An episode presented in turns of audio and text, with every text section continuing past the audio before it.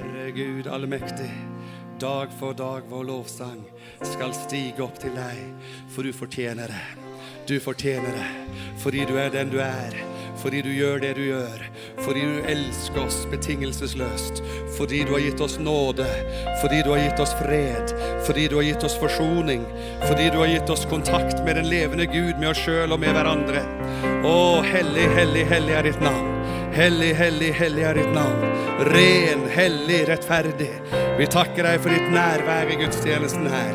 Vi takker deg, Gud, at du er nær og rører ved hjertene våre. Varmer opp hjertene våre med din renhet, med din godhet, med din nåde. Herre, vi ønsker bare å si vi er så takknemlige for at du er hellig. Vi er så takknemlige for at du er ren. Vi er så takknemlige for at du er rettferdig. Å, vi hyller deg, vi ærer deg, og vi tilber deg. Hellig, hellig, hellig er ditt navn. Takk, Herre. Takk, Herre. Hellig er ditt navn, Jesus. Du fortjener alt. Hellig er ditt navn. Ja, hellig er ditt navn. Jesus. Du fortjener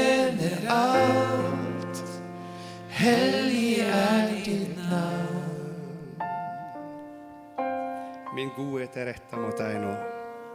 Min nåde er gitt deg, og min fred gir jeg deg.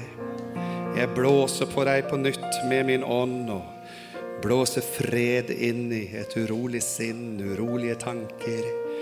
Jeg kommer med min fred inn i ditt liv, inn i din livssituasjon. Svare på mange av dine spørsmål med å blåse på deg med min ånd og med min kjærlighet og sier, ta imot min fred. Min fred gir deg. Amen. Amen. Si noe godt til han eller hun som er ved siden av deg, og så er det vær så god og sitt ned. Takk skal dere ha. Nydelig å prise Jesus sammen med dere her.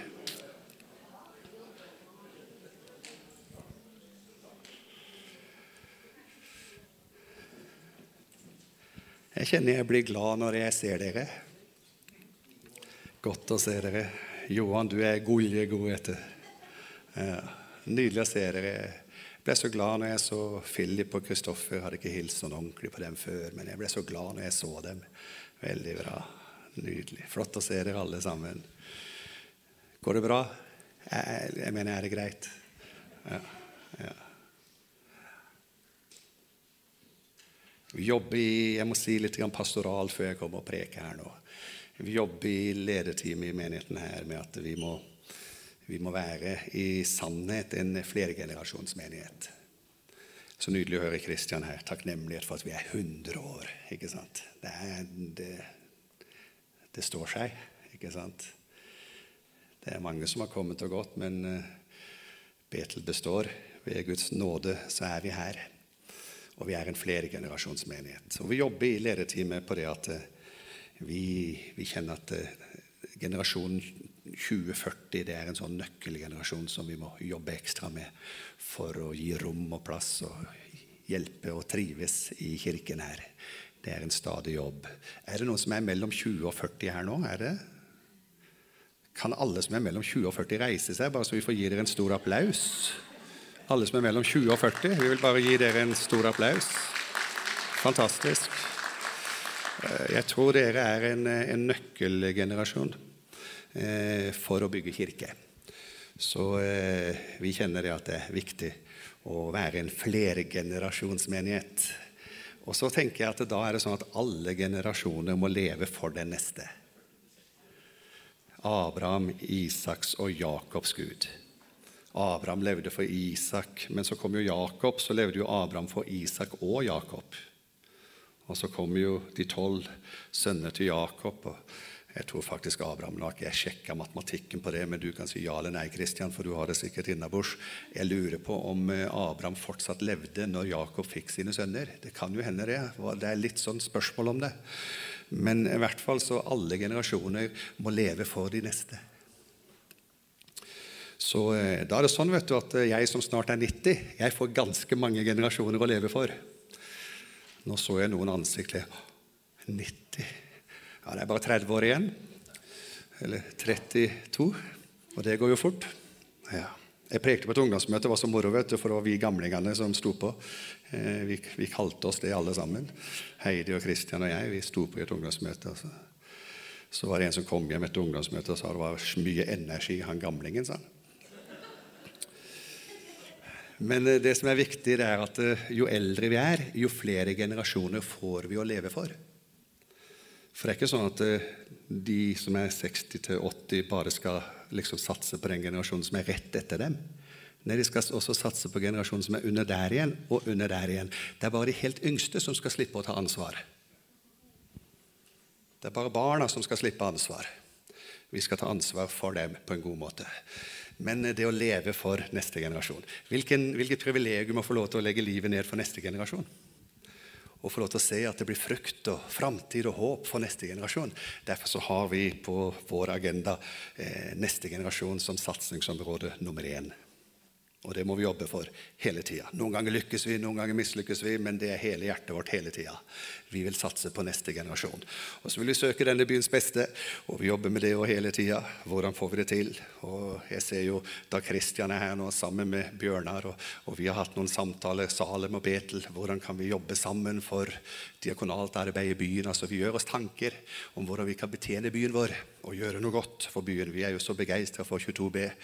Og vi er takknemlige for da Kristian og Salem som gjør en innsats der. Nydelig. Jeg er så glad for at Guds rike er større enn meg. Amen. Så jeg er glad for at Guds rike er litt større enn deg òg. Amen. Så er det litt større enn Betel til og med. Så står vi sammen for Trondheim, for vi elsker byen vår. Amen. Så det er stadig en, en, jobb å gjøre på det her. Vi kan ikke bare snakke om det, vi må jo gjøre noen ting. Og så er vi glad for Omsorgskafeen, som vi er hands on og holder på med ut ifra denne menigheten. Sammen med Salem og Frikirken og, og uh, Vinjard uh, i byen her. Men uh, det er stadig noe å jobbe med, og så har vi dette med det globale oppdraget. Så det er de tre. Neste generasjon, søk byens beste og vårt ansvar globalt. Vet du at de to siste bortsett fra den akkurat siste nå, men de to foregående fredsprisvinnerne begge hadde kobling til Betel, da skjønner vi at verden er liten. Ikke sant? Så vi er på banen, folkens, og vi har en jobb å gjøre. Ok, det var bare Jeg måtte dele litt pastoralt fra hjertet mitt før jeg preker. Eh, det er sjelden jeg gjør det, men akkurat nå kjente jeg hadde lyst til å dele litt sånn. Eh, det jeg har fått på hjertet å dele, da, det som jeg eh, vel aldri har prekt, men jeg har vel nevnt det i en setning, for jeg hørte Reidun hun ble så begeistra for den setningen en gang. Jeg sa det, Reidun, eh, kjærligheten er størst, men troen er først. Og det hadde Reidun merka seg. Det, det får noe å tenke på vet du, når vi kommer med noen formuleringer. Eh, og, og, sånn er det. Men jeg har aldri prekt det, liksom. Men i dag kjente jeg jeg skal preke det. Eh, kjærligheten, eh, den, er, eh, den, den, den, er, størst. Eh, du vet, Har du hørt folk si 'størst av alt er kjærligheten'? Har du hørt det? Ja, Det er lov å si, og det er lov å mene, men det er ikke lov å si at da siterer vi Guds ord. For det står ikke skrevet 'størst av alt er kjærligheten'. Det står ikke skrevet. Eh, men eh, det er lov å mene det, selvfølgelig, men ikke på bakgrunn av at vi da siterer Guds ord. Vi skal komme litt eh, tilbake til det. Så kjærligheten, ja, størst, men troen, den kommer først. Så det skal jeg si litt om. Jeg påstår faktisk at uten tro så får du ikke tak i kjærligheten. Det er min påstand. Jeg påstår at tro det er eh, det som eh, åpner opp for å oppleve kjærligheten. Jeg skal si litt eh, om det. Paulus han sier med hjertet tror vi så vi blir rettferdige. Med munnen bekjenner vi så vi blir frelst. Det er egentlig veldig fascinerende, for ofte så tenker vi ikke over det. vet du, at Med hjertet tror vi. Men egentlig så er jo i alle folks bevissthet, jeg tror nesten uansett kultur, så er det sånn at hjertet hjertet er symbolet på kjærlighet. Så da, da, ser vi egentlig at det er en naturlig kobling mellom tro og kjærlighet. Med hjertet tror vi, så vi blir rettferdige. Og med munnen bekjenner vi, så vi blir frelst. Så da skjønner vi troen er en hjertesak. Amen. Troen er en hjertesak. Så vi skal snakke om kjærligheten som er størst, og troen som er først. Hebreerbrevet sier i kapittel 11, vers 6.: Uten tro er det umulig å være til glede for Gud. For den som trer fram for Gud, må tro at han er til, og at han lønner dem som søker ham. Og så vet vi Bibelen sier det i flere sammenhenger og er inne på det og berører det, men også sier det rett ut. Gud er kjærlighet. Gud er kjærlighet. Og så sier altså brevbrevets forfatter uten tro så er det umulig å behage Gud, eller å være til glede for Gud. Og så kommer begrunnelsen. For den som trer fram for Gud, må Det er ganske logisk. vet. Jeg, jeg syns det er innmari moro når Bibelen er sånn der logisk resonnement. Det liker jeg. Når det er litt sånne logiske sluttfølge eh, og, og konsekvens av en tanke. Bibelen er ikke alltid ulogisk. Til og med mirakler er ikke ulogisk. Hørte jeg et lite ammen på den? Hvis du tror på en allmektig Gud, så er jo ikke mirakel ulogisk. Da er det jo heller ulogisk hvis det ikke skjer mirakler. Da burde vi jo bli mer overraska når mirakel ikke skjer, enn når det skjer. Når vi tror på en allmektig Gud. Det er logisk å tro på tegn og under og mirakler. Det er jo derfor vi ber om det. Amen. For vi tror på det. Fordi vi tror på en allmektig Gud. Uten tro er det umulig å være til glede for Gud. For den som trer fram for Gud, må tro at han er til, og at han lønner dem som søker ham. Eh, jeg er gift med Ingrid. Vi skulle starte kristen skolekontakt her i Betel i Trondheim i 1986. Og så hadde hun følelser for meg, og alle folket sa ja, men er det mulig? Ja, det var mulig. Eh, hun hadde følelser for meg, og så var hun veldig en gudfryktig ung dame. Så hun lurte på hva skal hun gjøre nå. Vi skal starte et skoleteam i menigheten her. Eh, og hun hadde følelser for meg, og som en gudfryktig og hellig og ren og flott dame så eh, måtte hun snakke med meg om disse følelsene, så ikke tjenesten skulle gå i stykker. Det var det det handla om. Det handla ikke om å komme sammen, det handla om å berge tjenesten. Ja, nydelig, vet du. Så vi, Jeg satt hos henne da i Neufelds gate, og, og, og, hun begynte å fortelle da at eh, Og det var så vanskelig for henne å si det, og jeg koste meg. for jeg merka nå kommer det noen ting her. Og hun hadde vanskelig for å få si hva hun egentlig skulle si. Og på andre områder så har hun overhodet ikke noe vanskelighet med å si det hun vil si. Men akkurat der det var sånn engangstilfelle, kan du si. Og så eh, skjønte jeg at det kommer noen år, og, så, og så kom det fram da, at hun hadde følelser for meg og var glad i meg og, og var redd for at dette skulle ødelegge kristen skolekontakt hvis hun har følelser og ikke jeg. og Så blir det skurr, og så blir det vanskelig å forholde seg til hverandre, og så blir det vanskelig å være sammen i teamet osv. For kjærligheten er jo bare bra hvis den gjensvares og besvares. Eh, det som vi kaller for ulykkelig kjærlighet, det er den kjærligheten som ikke blir besvart. Så hun hadde jo lagt ut da, vet du, om dette her, og så stilte jeg bare et spørsmål. Og med dette tror du at det er gjort? spurte jeg. Ja, det trodde hun faktisk. Nå var det landa, liksom. Så du har aldri tenkt at det kunne være gjensidig, da, sa jeg. Nei, sa hun. Men det er det, sa jeg. Og det er over 30 år siden. Men tenk om hun hadde sagt det hun sa, og så jeg hadde tenkt No way! Jeg, jeg, tror ikke på deg. Det er bare tull. Det er fake. Det er oppspinn. Du prøver å lure meg. Da hadde hun og jeg ikke vært gift i dag.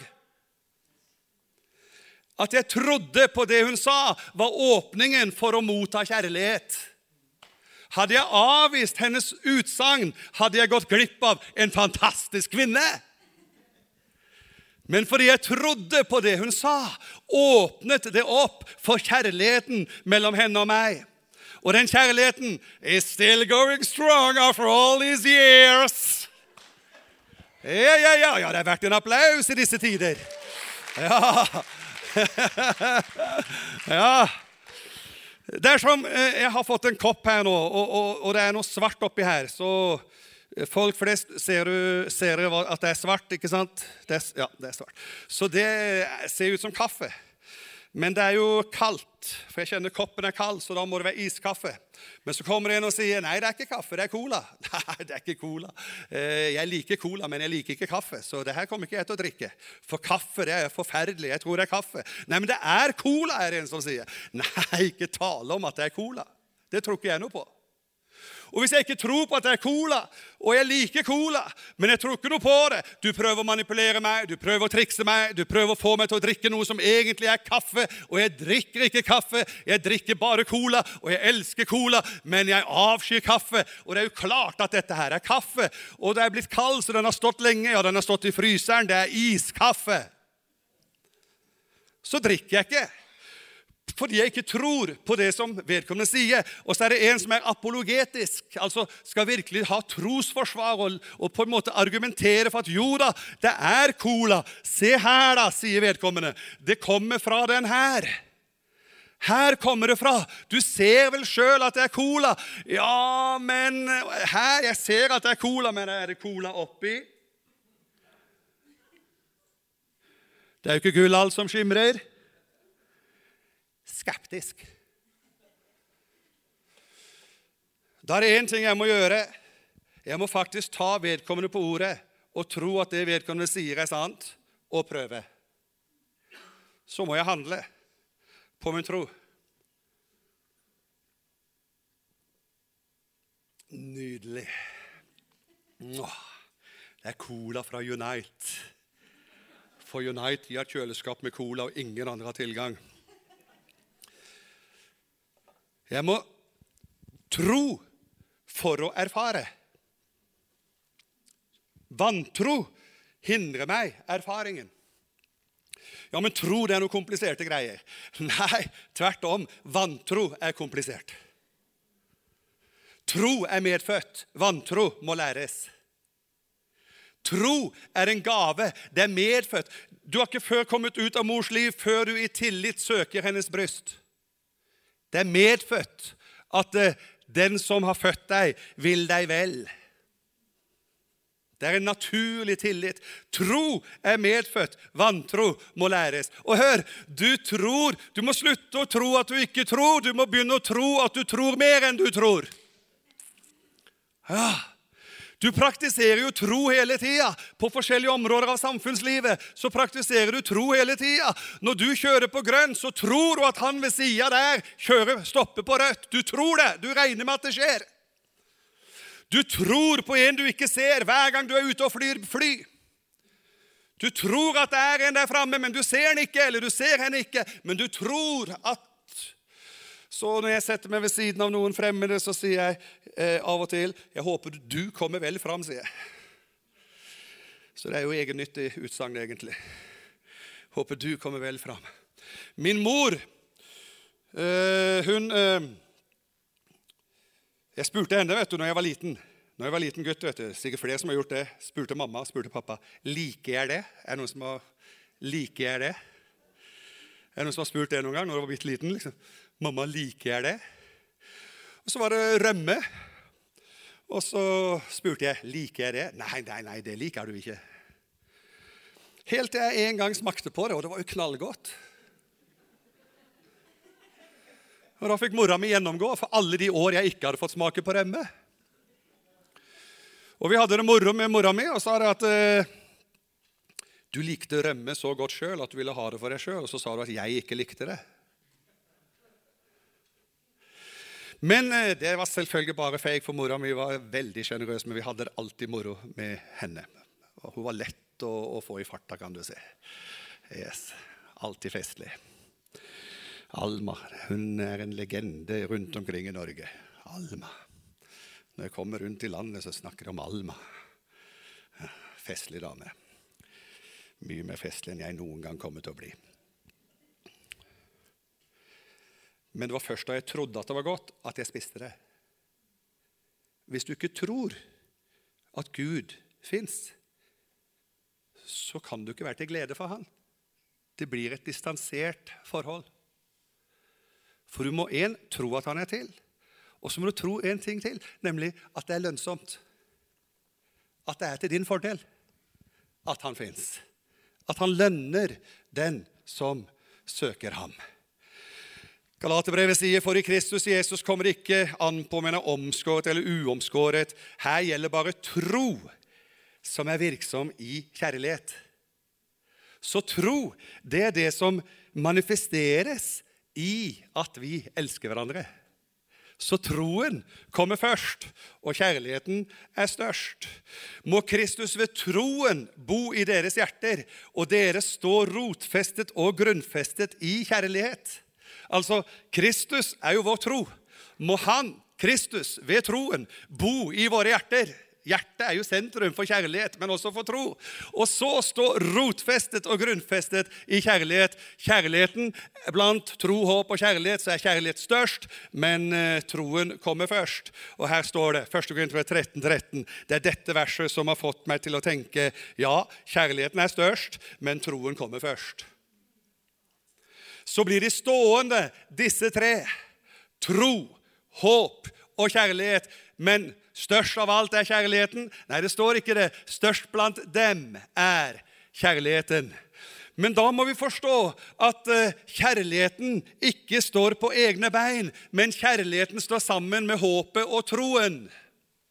Fordi at eh, vi kan lett løsrive kjærligheten til å bli noe fluffy greier, og til å bli noe substansløse greier, og til å bli noe sånn Å,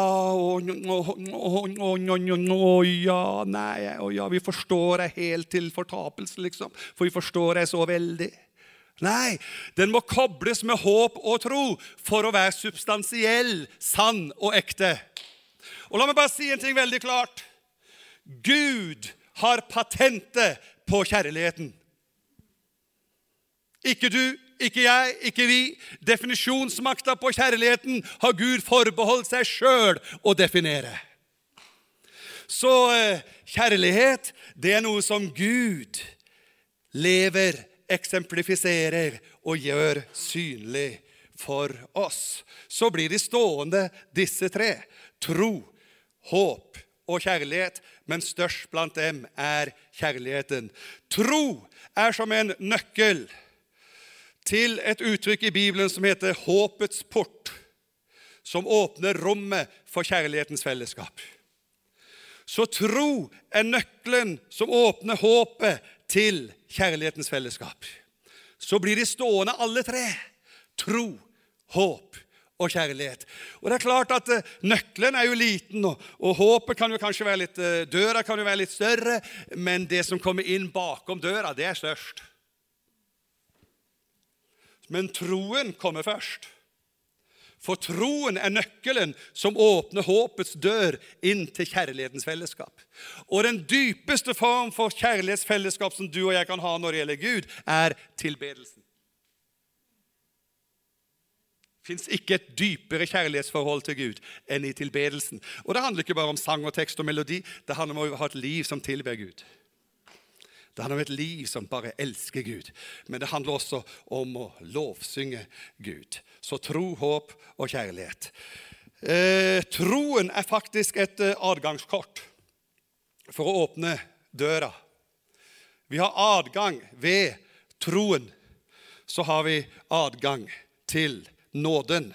Romerbrevet sier da vi altså er blitt rettferdige ved tro, har vi fred med Gud ved vår Herre Jesus Kristus. Gjennom ham har vi også ved troen fått adgang til den nåde vi står i.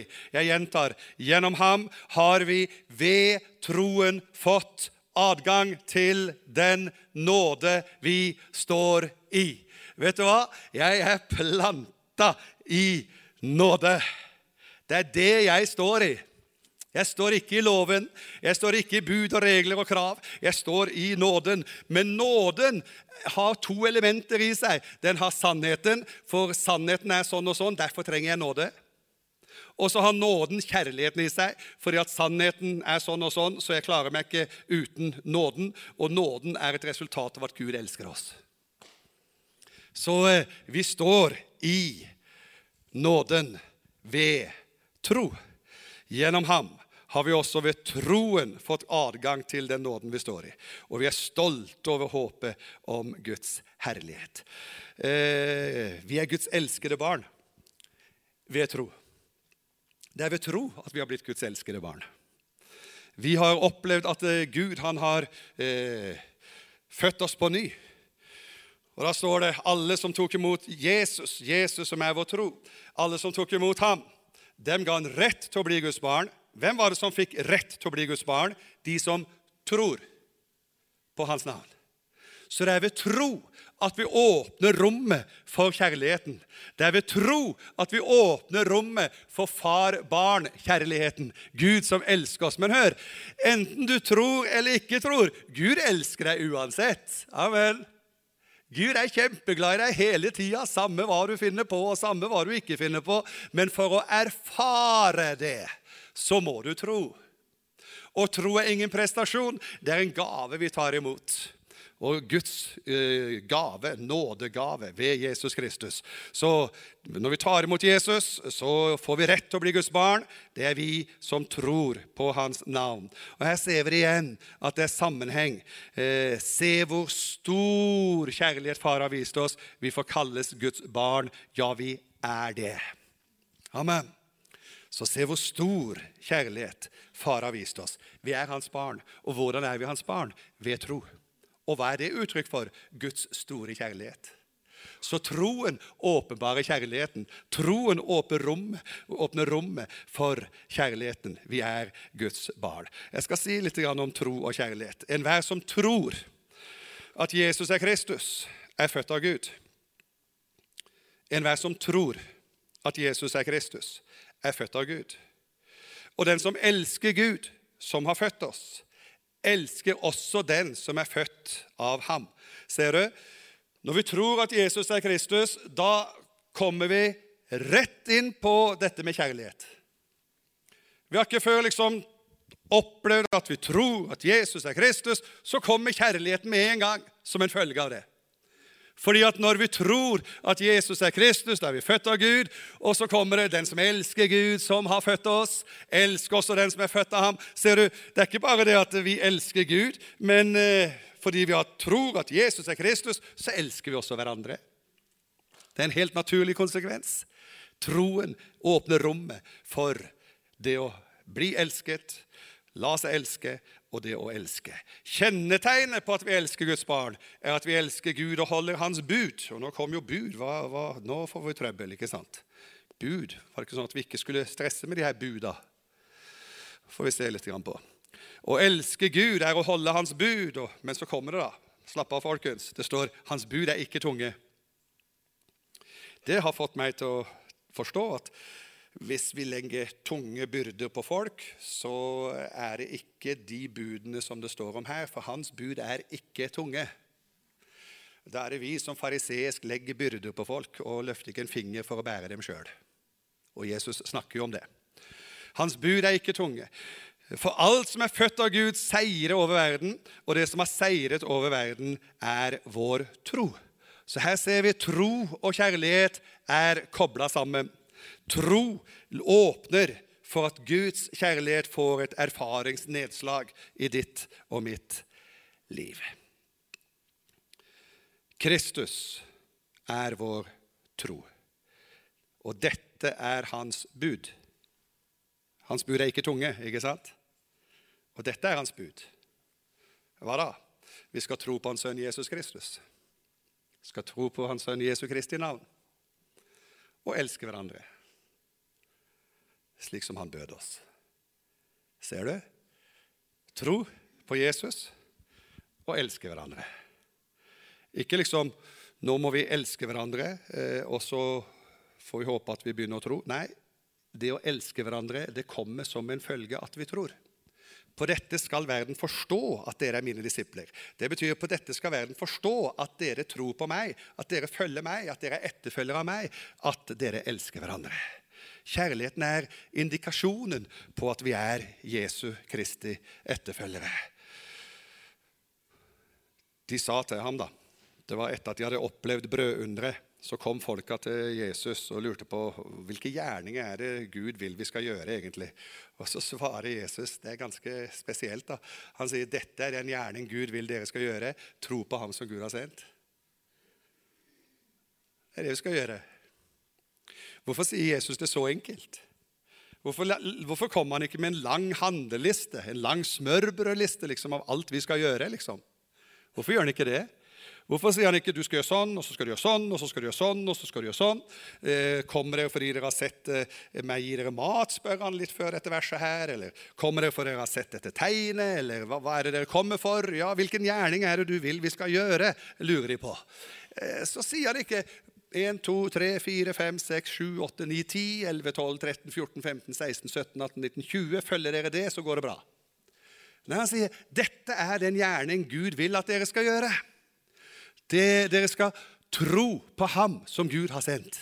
Hvorfor sier han det sånn? Jo, for jeg tror alt det andre kommer som en følge av det. Amen. Vi kan ikke begynne med trinn 10 før vi har starta på trinn 1. Vi må begynne med basic, og basic er tro på Jesus Kristus. Amen. Tro på Jesus Kristus. Tro på Han. Dersom du tror, så skal du få se min herlighet. Dersom du tror, så skal du få se Guds kjærlighet, Guds godhet, Guds nåde, Guds kraft åpenbare seg. Troen åpner rommet. Så da trenger vi ikke stresse med rommet. Vi trenger bare å tro, så åpnes rommet. Så det er til slutt vår tro som faktisk definerer kjærligheten. Hva er kjærlighet? Jeg sa Gud har patentet på kjærligheten. Det er Gud som har definisjonsmakt på kjærligheten. Og det er vår tro som eh, definerer kjærligheten. For I 1. Johannes eh, brev 3,16 det, det, det, det, er fint, vet du, for i Johannes 3,16 så står det eh, For så høyt har Gud elsket verden, at hver den som tror, ikke skal gå fortapt, men ha evig liv. Men vi har en Johannes 3,16 til. Og det er første Johannes. Så vi har to 3,16 som begge bør læres utenat. Eh, Johannes 3,16 i evangeliet og Johannes 3,16 i det første brevet. Der står det hva kjærlighet er. Hva kjærlighet er. Så det som kommer etterpå nå, det vil jo da være definisjonsmakta på hva kjærlighet er. Amen. Hva kjærlighet er. Er dere spent? Hva er kjærlighet? Hva er egentlig kjærlighet? Hva er det Gud sier at kjærlighet er? Kjærlighet, sier Bibelen, er det er det vi har lært av at Jesus ga sitt liv for oss. Hva er det? Det er min tro. Hva er min tro? At Jesus ga sitt liv for meg. Det er det jeg tror. Det jeg tror, er at Jesus, når han ropte 'det er fullbrakt', så holder det. Det jeg tror, det er at når Jesus døde på korset, så er det nok for tid og evighet. Det er min tro. Så hva er kjærlighet? Jo, kjærlighet, det er det jeg tror. Hva da? At Jesus ga sitt liv for meg. Amen. Kristus er min tro. Det er Jesus Kristus og det han gjorde, som er min tro. Slik var loven vår vokter til Kristus Jesus kom, for at vi skulle bli kjent rettferdige ved tro. Men nå når troen er kommet. Hva er det for noen ting? Nå når troen er kommet. Det tror jeg egentlig like gjerne kunne ha stått skrevet nå når Jesus Kristus er kommet. For det er han som er min tro. Nå når troen er kommet, er vi ikke lenger under vokteren, altså under loven, for dere er alle Guds barn ved troen i Kristus Jesus. Alle dere som er døpt til Kristus, har kledd dere i Kristus. Så hvis du ikke er døpt, så må du melde deg til dåp, for det er en veldig bra greie. Alle dere som er døpt til Kristus, hva er det for noen ting? Det er døpt til en kjærlighetsrelasjon med Jesus. Ja, Hvorfor skal jeg gjøre det? da? Jo, fordi du tror. Derfor kaller vi det troendes dåp. Vi døper bare folk som tror her. Vi tror ikke på tvangsekteskap, og vi tror ikke på tvangsdåp. Og begge er en pakt. Så derfor så, eh, Alle dere som er døpt til Kristus, har kledd dere i Kristus. Eh, du har kledd deg sjøl, altså. Du har ikke blitt kledd, du har kledd deg sjøl. Alle dere som er døpt i Kristus, har kledd dere i Kristus. Det er noe du og jeg gjør. Vi kler oss i Kristus når vi blir døpt til Kristus. Så eh, det er bare et uttrykk for at troen, Jesus Kristus, vår frelse, vår Herre, vår Gud, han er kommet, og det holder. Så Kristus, han er vår tro. Og da gjentar jeg at alle som tok imot ham, hvem? Troen vår, Jesus Kristus. De ga han rett til å bli Guds barn, de som tror på hans navn. Så Skal vi reise oss, og så skal sangerne og musikerne komme fram her, og så skal vi prise og tilbe Jesus. Far i himmelen, jeg takker deg for at eh, du eh, kom eh, ved din sønn Jesus Kristus. Takk at du har bevist din kjærlighet, Gud, ved at vår tro, Jesus Kristus, kom, døde på korset, tok all vår synd, all vår skam, all vår skyld, tok det på deg. Vi kan gå fri, oppreist, gjenoppretta i hverdagen, i livet, i tiden, i framtiden og i all evighet. Takker deg, far. Takker deg, far, for at vi kan åpne oss for din kjærlighet. Du som vil ha en ny berøring av Guds kjærlighet, bare løft opp hånda di ved tro. Så skal vi be Gud velsigne deg og møte deg. Gud velsigne deg, er det flere? Det er bak der, bak der, flere. Gud velsigne deg, er det flere? Som bare vil ha en ny berøring av Guds kjærlighet, og bare åpne, løfte opp hånda di ved tro. Ved tro. Ved tro på at Gud elsker deg. Halleluja. Det er et trossignal. Ikke til meg, men til Gud. At du tror. Bare løft opp hånda di. Hold hånda di oppe hvis du trenger en ny berøring, eller ønsker en ny berøring av Guds kjærlighet. Så når du løfter hånda di, så viser du 'Jeg tror'. Jeg tror. Jeg tror. Jeg tror på Jesus. Jeg tror at han elsker meg. Det er det jeg vil ha. Det er det jeg vil ha. Det er det jeg vil ha. Å, Gud velsigne alle dere som står med løfta hender og bare vil ha en ny touch av Guds kjærlighet og bli fylt på ny. Bli fylt på ny med Guds kjærlighet. Å, jeg har så lyst til å bare omfavne dere nå. Jeg gjør det åndelig sett. Omfavne dere som en far omfavner sine barn. Som en far tar imot sine barn. Så omfavner jeg dere nå. Og jeg tar imot dere i Jesu Kristi navn som en far og vil be Gud velsigne dere. Far i himmelen, jeg takker deg. Jeg takker deg, Gud, at din kjærlighet er utøst over oss. Jeg ber, far, at selv om vi ikke kan ta på hverandre fysisk, så kan du ved din ånd berøre oss både åndelig og fysisk. Du kan fylle oss på nytt med din kjærlighet. Du fornyer kjærlighetsrelasjonen ved tro. Og takk at troen som kommer først, den åpne håpets port, så vi kommer inn i kjærlighetens rom, hvor du med din kjærlighet virker inn i våre liv og skaper kjærlighetens fellesskap både oppover og innover og utover.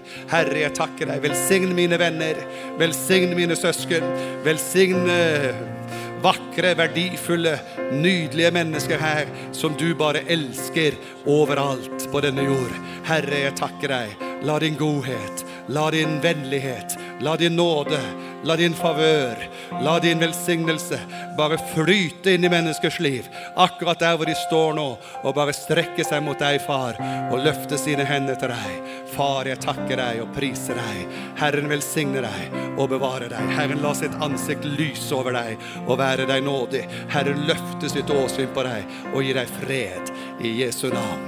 Amen. Amen.